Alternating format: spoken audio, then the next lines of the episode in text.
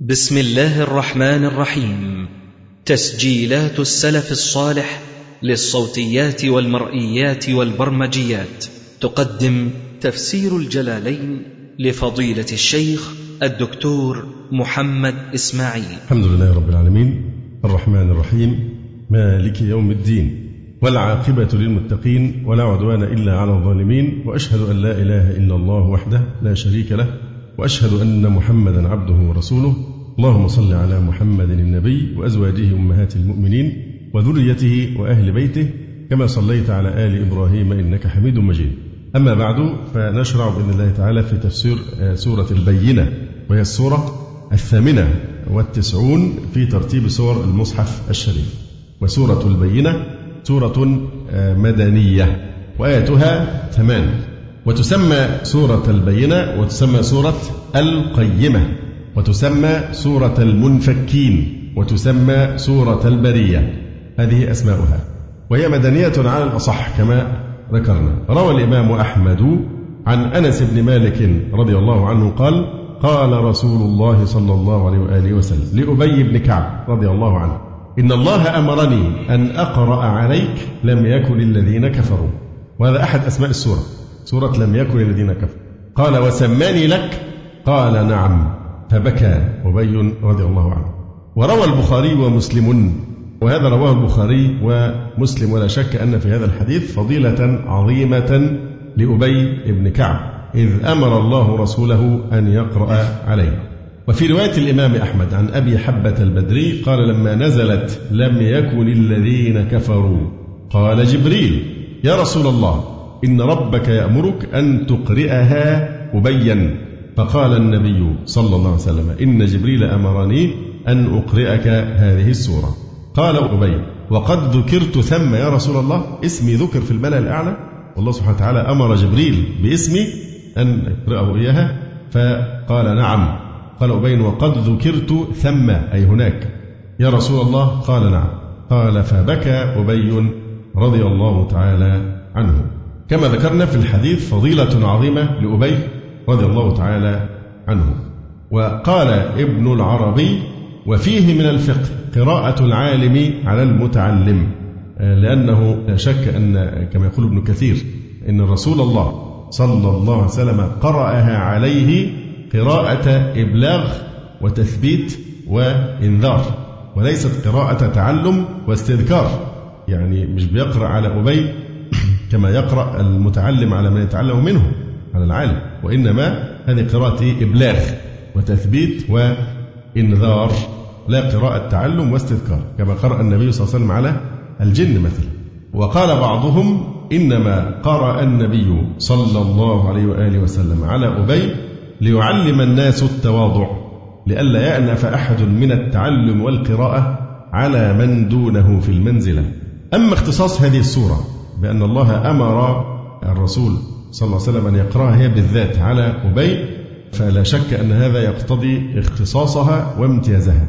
لما اشتملت عليه من التوحيد والرسالة والإخلاص والصحف والكتب المنزلة على الأنبياء وفيها أيضا ذكر الصلاة والزكاة والمعاد وبيان أهل الجنة والنار مع وجازتها. مع وجازتها اشتملت على كل هذه المقاصد. يقول جلال المحلي رحمه الله تعالى قوله تعالى بسم الله الرحمن الرحيم لم يكن الذين كفروا من أهل الكتاب والمشركين منفكين حتى تأتيهم البينة. رسول من الله يتلو صحفا مطهرة فيها كتب قيمة. قوله تعالى لم يكن الذين كفروا من أهل الكتاب والمشركين. من؟ يقول هنا للبيان. يقول القاضي كنعان قوله للبيان أي أن من تبين بما بعدها ما جاء قبلها. معنى من للبيانية أنها تبين بما بعدها ما جاء قبلها. يعني لم يكن الذين كفروا فهي بينت مين الذين كفروا أهل الكتاب والمشركين. فبينت بما بعدها ما قبلها. زي إيه؟ نعم. لكن أوضح منها في آخر سورة الفتح. وعد الله الذين آمنوا وعملوا الصالحات منهم. دي للبيان. لأن الصحابة جميعا آمنوا وعملوا الصالحات بخلاف ضلال الشيعة لما يقولوا منهم يعني إيه؟ للتبعيد والعياذ بالله. فهنا بيانية يعني أن الصحابة هم الذين آمنوا وعملوا الصالحات. فبينت هنا كلمة من لم يكن الذين كفروا من. بيانية. بينت هنا أن الكافرين على اختلاف أسباب كفرهم من وثنية حجرية أو كفر بنسبة ولد لله تعالى أو اتخاذ شريك معه أو كفر بالنبوة والرسالة. هم جاحدون متحجرون معاندون يرفضون الحق ولو شاهدوه عيانا. وهذه الآية دليل واضح على أن أهل الكتاب أي اليهود والنصارى كافرون كالوثنيين والملحدين وغيرهم لأن الكفر كله مهما تعددت أسبابه ملة واحدة. على أي الأحوال هي المسألة دي فيها خلاف. مسألة هل الكفر ملة واحدة؟ أم ملل متعددة؟ مسألة فيها خلاف. أين تظهر ثمرتها؟ متى نحتاج لحسم القضية؟ ماشي إيه تاني؟ قبول الجزية؟ إيه تاني؟ التوارث. هي أوضح ما تكون في التوارث مش في قبول الجزية. أوضح ما يكون موضوع التوارث لأن الحديث يقول لا يتوارث أهل ملتين شتى. فلو أخذنا بأن الكفر ملة واحدة سيختلف الحكم عن قولنا إن الكفر ملل إيه؟ متعددة. يعني واحد يهودي تنصر هل يحصل توارث بينه وبين أقربائه؟ الحديث يقول لا يتوارث أهل ملتين شتى فلو قلنا الكفر ملل متعددة فاختلاف الملة هنا يحول دون حصول التوارث. لكن لو قلنا أن الكفر كله ملة واحدة فيبقى هنا لا يصيرون أهل ملتين فيتوارثون. لكن الحديث لا يتوارث أهل ملتين فده الثمرة العملية لقضية هذا الكفر. لكن هو يشيع على ألسنة الناس الكفر ملة واحدة وهذا المسألة فيها خلاف وليست كما يتصور البعض أنها شيء ثابت ومقرر. لا هل كل ملة كفرية ملة مستقلة أم أن كلهم يعني ملة واحدة؟ هذه قضية أخرى. لكن المهم أنهم يستحقون وصف الكفر خاصة في هذا الزمان الذي تطل فيه رؤوس أهل الضلال والإلحاد والزندقة ويزعمون أن أهل الكتاب ليسوا كفارا وأنهم مؤمنون. وهذا يعني لا شك تكذيب صريح للقرآن العظيم. والآية هنا واضحة في مثل ذلك. ثم هل هناك آية أخرى في القرآن الكريم تدل على صحة إطلاق الشرك على أهل الكتاب؟ أنهم أيضا مشركون في سورة التوبة في سورة التوبة وقالت اليهود عزير ابن الله وقالت النصارى المسيح ابن الله ذلك قولهم بأفواههم يضاهئون قول الذين كفروا من قبل قاتلهم الله أن يؤفكون. في, في الآيات إيه في آخرها؟ وما أمروا إلا ليعبدوا إلها واحدا لا إله إلا هو سبحانه عما يشركون. فالواو هنا تعود على أهل الكتاب. يشركون. فيطلق عليه أيضا لفظ الإشراك باعتبار آخر. لم يكن الذين كفروا من أهل الكتاب والمشركين. هو الماتريدي يذهب إلى أن من هنا للتبعيض. للتبعيض. وكما رأينا الجلال المحلي يذهب إلى أنها للبيان. الذين كفروا يعني الذين هم أهل الكتاب والمشركين. منفكين. انفكاك الشيء. عن الشيء هو أن يزايله بعد التحامه به يكون ملتحما به ثم ينفك عنه. فالانفكاك انفكاك الشيء عن شيء هو أن يزايله بعد التحامه به. كالعظم إذا انفك من مفصله. والمعنى أنهم متعلقون بدينهم. متعلقون بدينهم لا يتركونه ولا يرومون عنه انفكاكا. فننتبه جيدا هنا كلمة منفكين ليست هي من باب من فك وما برح وإنما هي من باب انفكاك الشيء عن الشيء أي انفصاله عنه.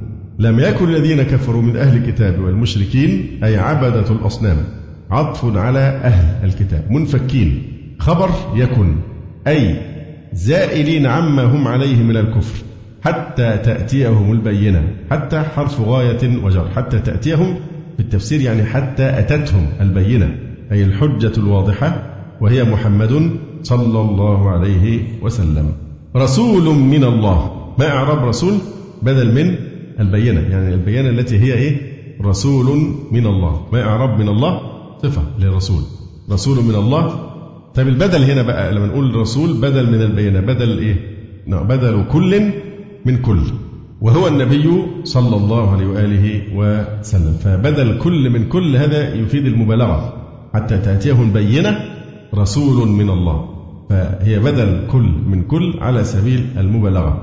فقد جعل الرسول نفسه صلى الله عليه وسلم هو نفس البينة. يتلو صحفا مطهرة. ما إعراب يتلو صفة ثانية. رسول أول حاجة من الله ثاني صفة يتلو صحفا مطهرة أي من الباطل. فيها كتب قيمة. فيها كتب. طبعا دي جملة يعني المؤخر شبه الجملة مقدم. المبتدأ الخبر والمبتدأ إيه؟ مؤخر. فيها كتب. وهذه الجملة صفة ثانية لإيه؟ لصحف. يتلو صحفا مطهرة دي صفة أولى. فيها كتب قيمة صفة ثانية. وكتب هنا المقصود أحكام مكتوبة. فيها كتب قيمة. كتب يعني إيه؟ أحكام مكتوبة. قيمة أي مستقيمة. ناطقة بالعدل والحق. يعني يتلو مضمون ذلك وهو القرآن الكريم. فمنهم من آمن به ومنهم من كفر. وما تفرق الذين أوتوا الكتاب إلا من بعد ما جاءتهم البينة. الواو استئنافية. وما تفرق. ما نافية. وما تفرق الذين أوتوا الكتاب. الواو في أوتوا نائب فاعل. طيب ما إعراب الكتاب مفعول به ثان.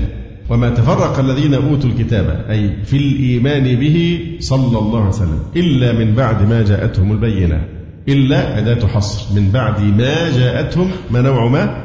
مصدرية.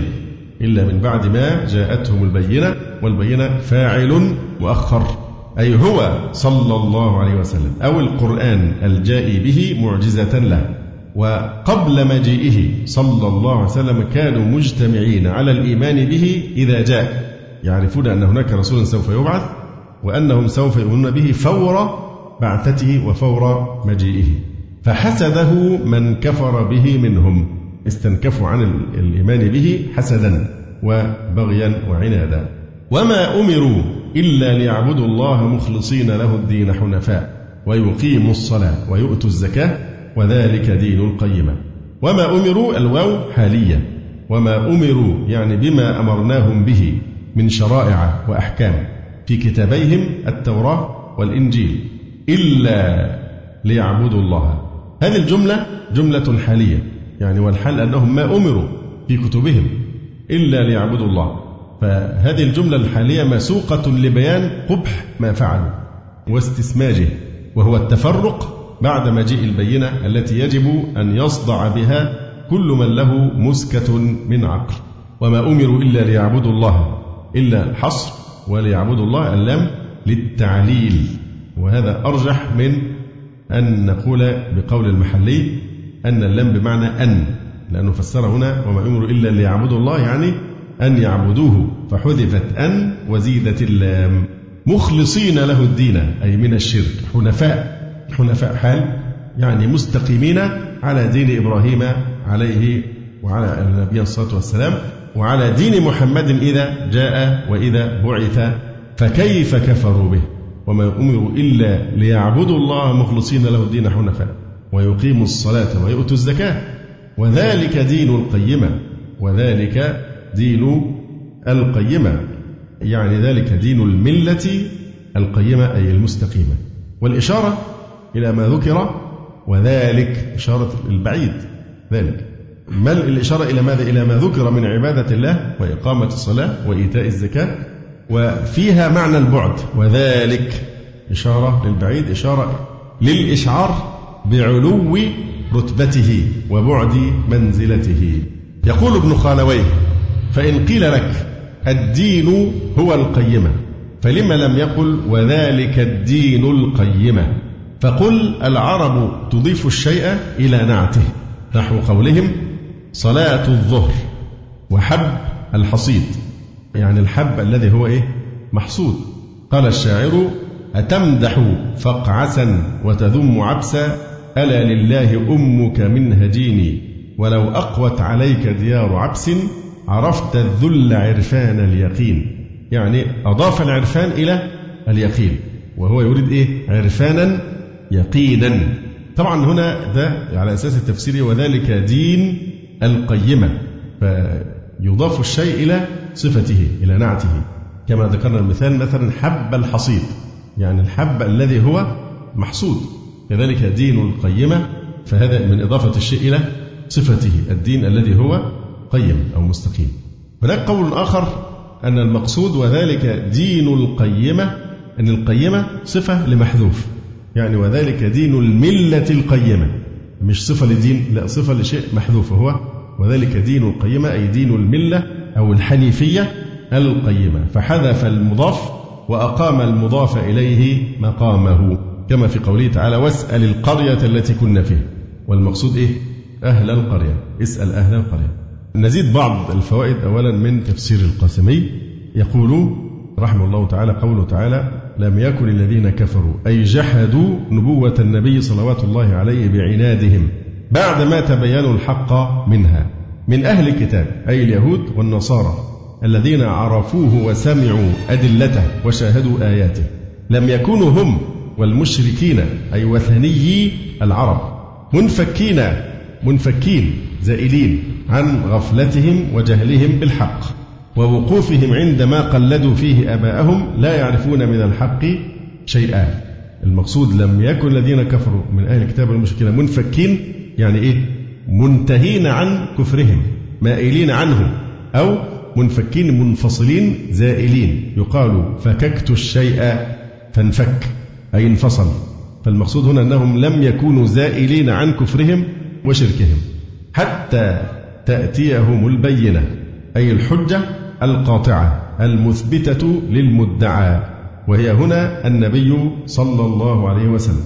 فمجيئه هو الذي أحدث هذه الرجة فيما رسخ من عقائدهم وتمكن من عوائدهم حتى أخذوا يحتجون لعنادهم ومناكرتهم بأنه كان شيئا معروفا لهم يصلون إليه بما كان لديهم ولكنه ليس بمستحق أن يتبع. فإنما هم فيه أجمل وأبدع ومتابعة الآباء فيه أشهى إلى النفوس وأمتع.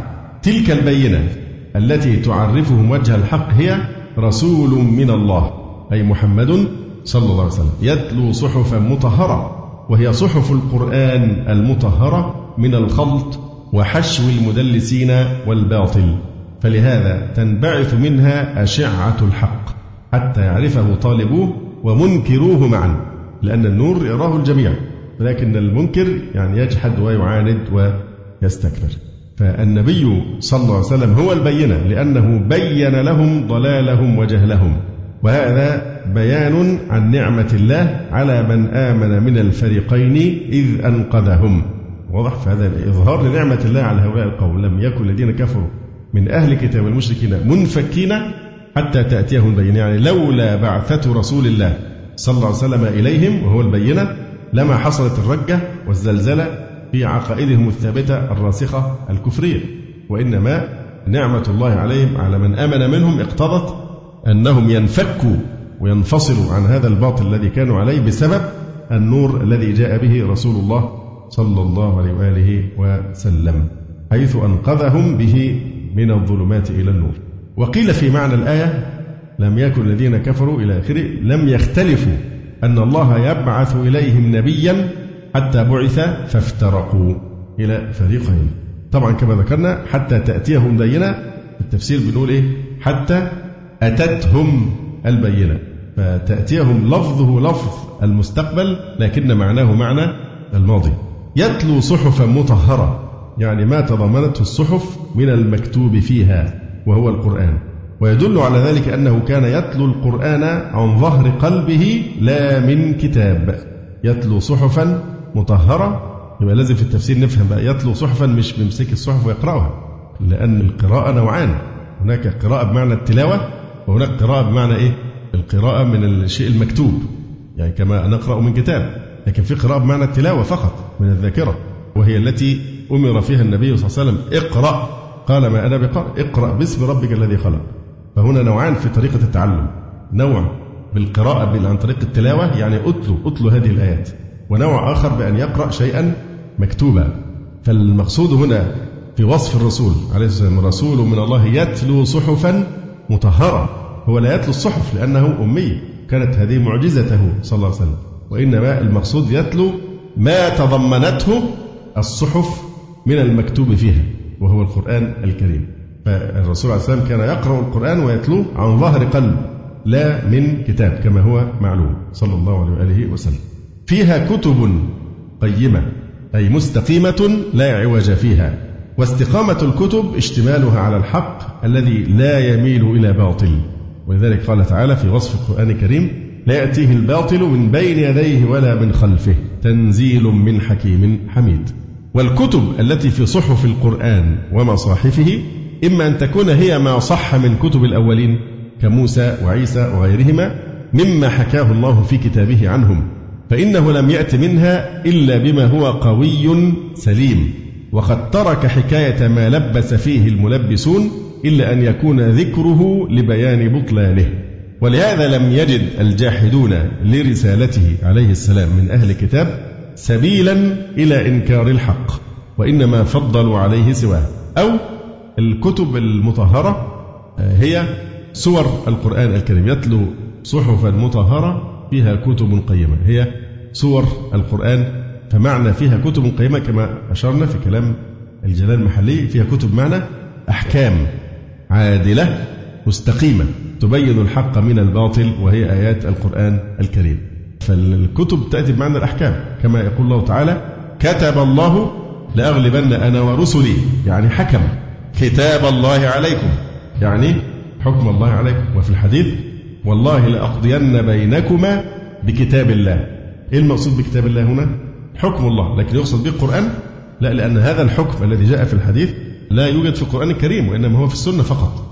الغنم والجارية إيه؟ رد عليك. وعلى امرأة هذا الرجل. الحديث المعروف الرجل الذي كان عسيفا أجيرا عند فلان فزنى بامرأته إلى آخر الحديث. لكن هل هذا الحكم موجود في القرآن؟ هذا موجود في السنة. ومع ذلك قال الرسول إيه؟ لأقضين بينكما بكتاب الله. المقصود هنا بكتاب الله إيه؟ حكم الله. يقول أو هي سور القرآن فإن كل سورة من سوره كتاب قويم. فصحف القرآن أو صحائفه وأوراق مصحفه تحتوي على سور من القرآن هي كتب قيمة. لما كان لسائل أن يسأل إذا كان هؤلاء الذين كفروا من أهل الكتاب والمشركين قد انفكوا عن ذلك الظلام المطبق لم يكن الذين كفروا من أهل الكتاب والمشركين منفكين ما كانوش أبدا هيزولوا وينفصلوا عن عقائدهم الباطلة بدون مجيء الرسول صلى الله عليه وسلم. فإذا كانوا هم لم يكونوا قد انفكوا عن ذلك الظلام المطبق وبدا لهم من الحق ما عرفوه كما يعرفون أبناءهم. فما بالهم لم يؤمنوا بهذا الحق الذي جاءهم. أجاب الحق تبارك وتعالى بأن أهل الكتاب قد جاءتهم البينة والحجة القاطعة على الحق الذي لا يختلف وجهه بما أوحى الله به إلى أنبيائهم. وكان من حقهم أن يسترشدوا بكتبهم في معرفة سبيله حتى لا ينحرفوا عنه. فإذا عرض لأحدهم شبهة رجع في كشفها إلى العارف بمعاني الكتب. ثم كان عليهم أن يحرصوا على تعلم معانيها وفهم أساليبها ويحافظوا عليها حتى لا يضللهم فيها مضلل. لكن هذه البينة لم تفدهم شيئا فإنهم اختلفوا في التأويل وتفرقوا في المذاهب حتى صار أهل كل مذهب يبطل ما عند أهل المذهب الآخر وكان ذلك بغيا منهم واستمرارا في المراء وإصرارا على ما قاد إليه الهوى. وهذا هو قوله تعالى وما تفرق الذين أوتوا الكتاب إلا من بعد ما جاءتهم البينة. وما تفرق الذين أوتوا الكتاب إلا من بعد ما جاءتهم البينة. وما أمروا إلا ليعبدوا الله مخلصين له الدين حنفاء ويقيموا الصلاة ويؤتوا الزكاة وذلك دين القيم. قوله تعالى وما أمروا إلا ليعبدوا الله مخلصين له الدين. هذا دليل على وجوب النية في العبادة. إن النية إنما الأعمال بالنيات كما في الحديث. يعبدوا الله مخلصين له الدين. لابد أن يقصد بالعبادة وجه الله وحده بلا رياء وبلا شريك. قوله وما تفرق الذين أوتوا الكتاب طبعا المقصود هنا بقى. وما تفرق الذين أوتوا الكتاب يقصد به من لم يؤمن منهم برسول الله صلى الله عليه وسلم. من لم يؤمن لأن منهم من اهتدى وأسلم. إلا من بعد ما جاءتهم البينة. كما ذكرنا هناك أقوال في البينة.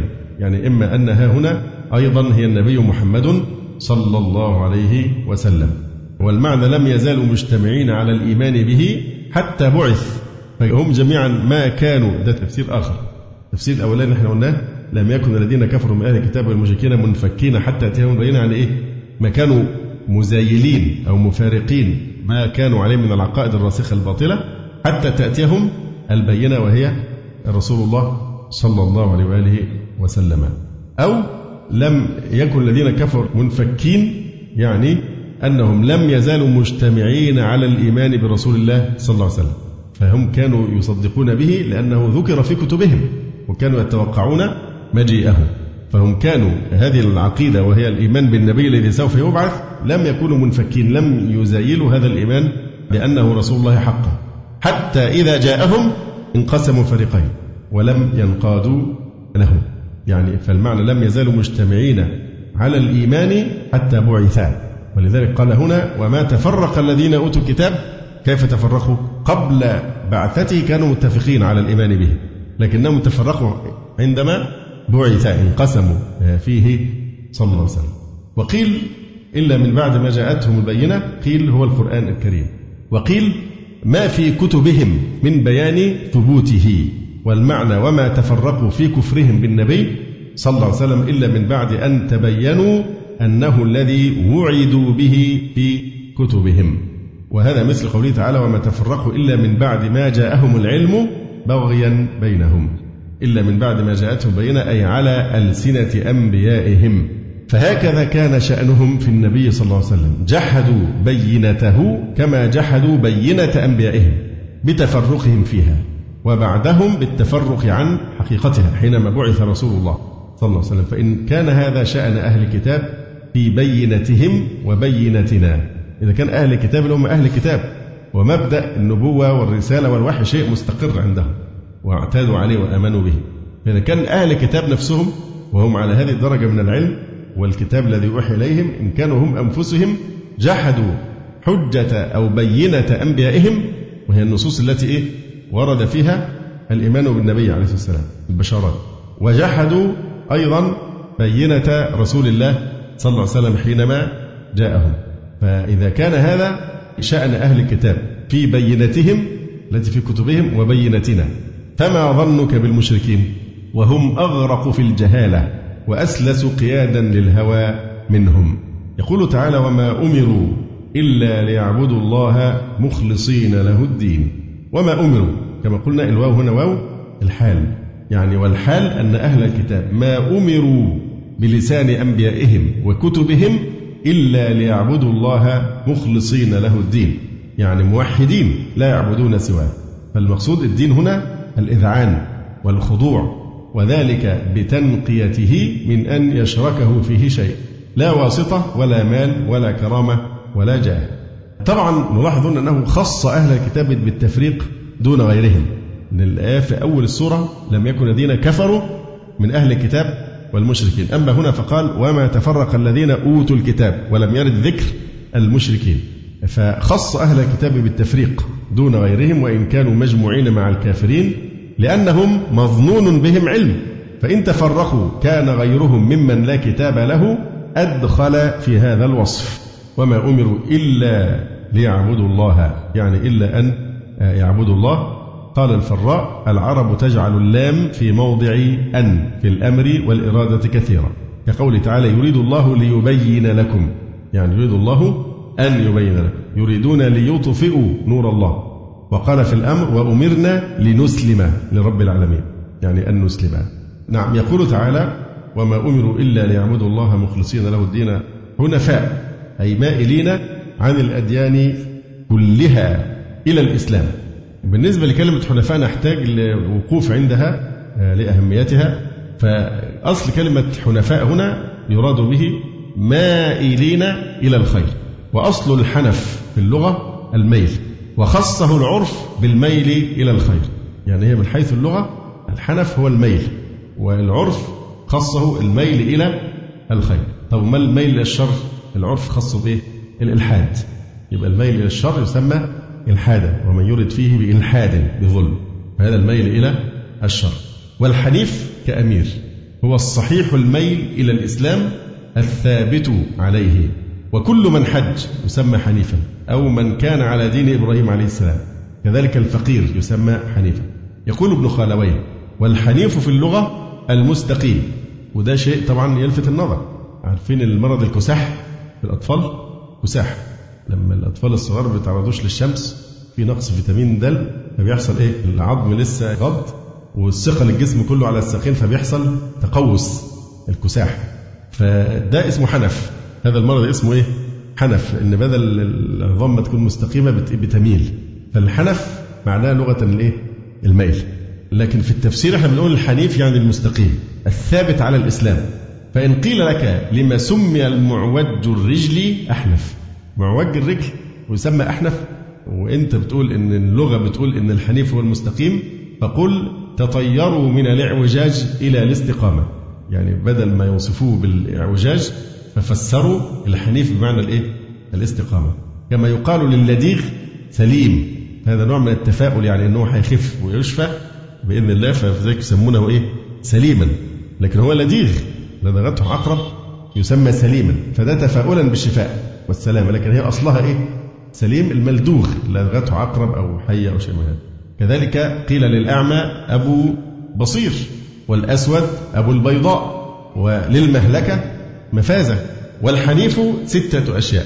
الحنيف المستقيم والمعوج والمسلم والمخلص والمختون والحاج إلى بيت الله ومن عمل بسنة إبراهيم عليه السلام سمي حنيفا. يقول القاسمي رحمه الله تعالى حنفاء أي مائلين عن الأديان كلها إلى الإسلام. فيتجمع هنا بين معنى الميل معنى حنيف هنا حنفاء يعني مائلين عن الأديان رأوا الأديان الأخرى فمالوا عنها إلى دين الإسلام. أو حنفاء أي متبعي إبراهيم عليه السلام أو على مثاله. وأصله جمع حنيف بمعنى المائل المنحرف. سمي به إبراهيم عليه السلام لانحرافه عن وثنية الناس كافة وانحيازه إلى الإسلام. ويقيم الصلاة أي الصلاة المكتوبة. يقيم الصلاة أي يأتون بها بحدودها في أوقاتها لإحضار القلب هيبة المعبود وترويضه بالخشوع. لا أن تكون مجرد حركات ظاهرة فإن ذلك ليس من الصلاة في شيء البتة. ولذلك قال للذي أسرع في صلاته ارجع فصلي فإنك لم تصل ويؤتوا الزكاة يعني عند وجوبها بصرفها في مصاريفها التي عينها الله تعالى. وذلك دين القيمة يعني وذلك الذي أمروا به دين القيمة. طبعا هذا دليل كما يقول ابن كثير قال استدل كثير من الأئمة كالزهري والشافعي بهذه الآية الكريمة على أن الأعمال داخلة في الإيمان. ولهذا قال وما أمروا إلا ليعبدوا الله مخلصين له الدين حنفاء ويقيموا الصلاة ويؤتوا الزكاة وذلك دين القيمة فاستدلوا بها على أن الأعمال داخلة في مسمى الإيمان. وذلك دين القيمة. قيل أي دين الكتب القيمة أو دين الأمة القيمة المستقيمة القائمة بالحق. ومعنى الآية أن أهل الكتاب قد افترقوا ولعنت كل فرقة أختها وكان افتراقهم في العقائد والأحكام وفروع الشريعة مع أنهم لم يؤمروا ولم توضع لهم تلك الأحكام إلا لأجل أن يعبدوا الله ويخلصوا له عقائدهم وأعمالهم. فلا يأخذونها إلا عنه مباشرة ولا يقلدون أهل الضلال من الأمم الأخرى. وأن يخشعوا لله في صلاتهم وأن يصلوا عباد الله بزكاتهم. فإذا كان هذا هو الأصل الذي يرجع إليه في الأوامر فما كان عليهم إلا أن يجعلوه نصب أعينهم فيرد إليه كل ما يعرض لهم من المسائل ويحل به كل ما يعترض أمامهم من المشاكل. ومتى تحكم الإخلاص في الأنفس؟ تسلط الإنصاف عليها فسادت فيها الوحدة ولم تطرق طرقها الفرقة. هذا ما نعاه الله من حال أهل الكتاب فما نقول في حالنا؟ أفما ينعاه كتابنا الشاهد علينا بسوء أعمالنا في افتراقنا في الدين وأن صرنا فيه شيعا وملأناه محدثات وبدعا بهذا الذي تقدم عرفت أن الذين كفروا هم الذين أنكروا رسالة محمد صلى الله عليه وسلم عند دعوتهم إلى قبول ما جاء به وأن من في قوله تعالى من أهل الكتاب للتبعيض وأن معا لم يكونوا منفكين أي لم يكن وجه الحق لينكشف لهم فيقع الزلزال في عقائدهم فينفكوا عن الغفلة المحضة التي كانوا فيها حتى تأتيهم البينة. ثم يقول الله تبارك وتعالى إن الذين كفروا من أهل الكتاب والمشركين في نار جهنم خالدين فيها. أولئك هم شر البرية. إن الذين كفروا هذا كلام مستأنف مسوق للشروع في بيان مقر الأشقياء وجزاء السعداء. إن الذين كفروا من أهل الكتاب والمشركين طبعا هذه إيه؟ حال. من أهل الكتاب والمشركين حال. في نار جهنم خالدين فيها. هذه حال مقدرة. أي في نار جهنم مقدرا خلودهم فيها من الله تعالى مقدرا. هل هم خالدين فيها الآن ولا يدخلون النار مقدرا خلودهم فيها؟ فهنا هذه حال مقدرة. خالدين فيها يعني مقدرا خلودهم فيها من الله سبحانه وتعالى. أولئك هم شر البرية. أولئك مبتدأ. هم يعربها إما أنها ضمير فصل وإما أنها مبتدأ ثاني. أولئك شر البرية أو إيه؟ هم شر البرية. يبقى أولئك مبتدأ. وهم مبتدأ ثان أو يقال هي ضمير فصل شر البرية أي الخليقة. وهناك قراءة أخرى. أولئك هم شر البريئة. فعيلة بمعنى مفعولة.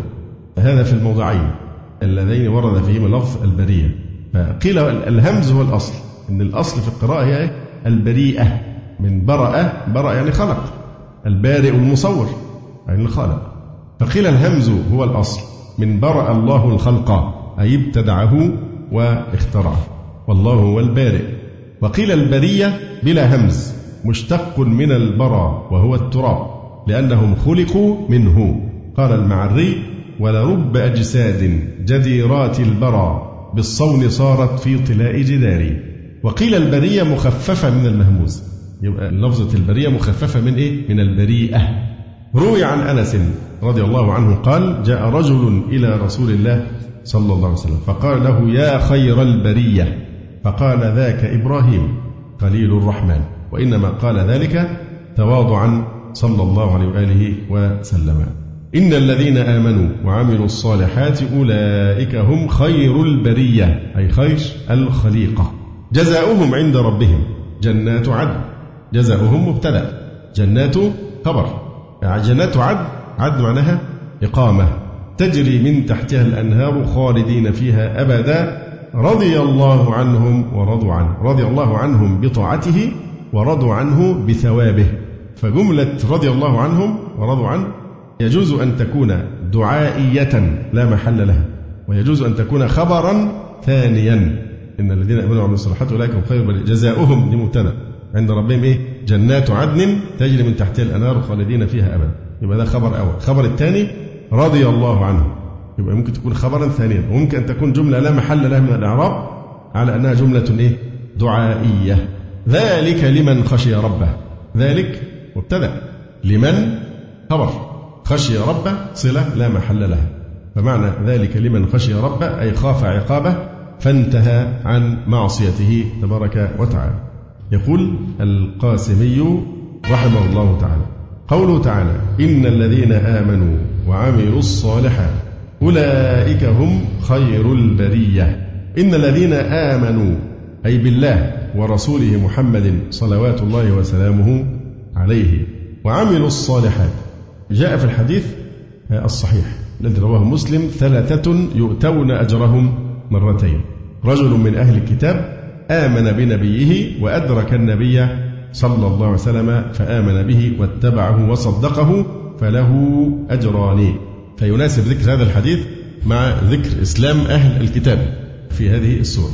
إن الذين آمنوا أي بالله ورسوله محمد صلى الله عليه وسلم وعملوا الصالحات أي بذل من بذل النفس في سبيل الجهاد للحق وبذل المال في أعمال البر مع القيام بفرائض العبادات. والإخلاص في سائر ضروب المعاملات لأن إذعانهم الصحيح ووجدانهم لذة معرفة الحق ملكت الحق قيادهم فعملوا الأعمال الصالحة.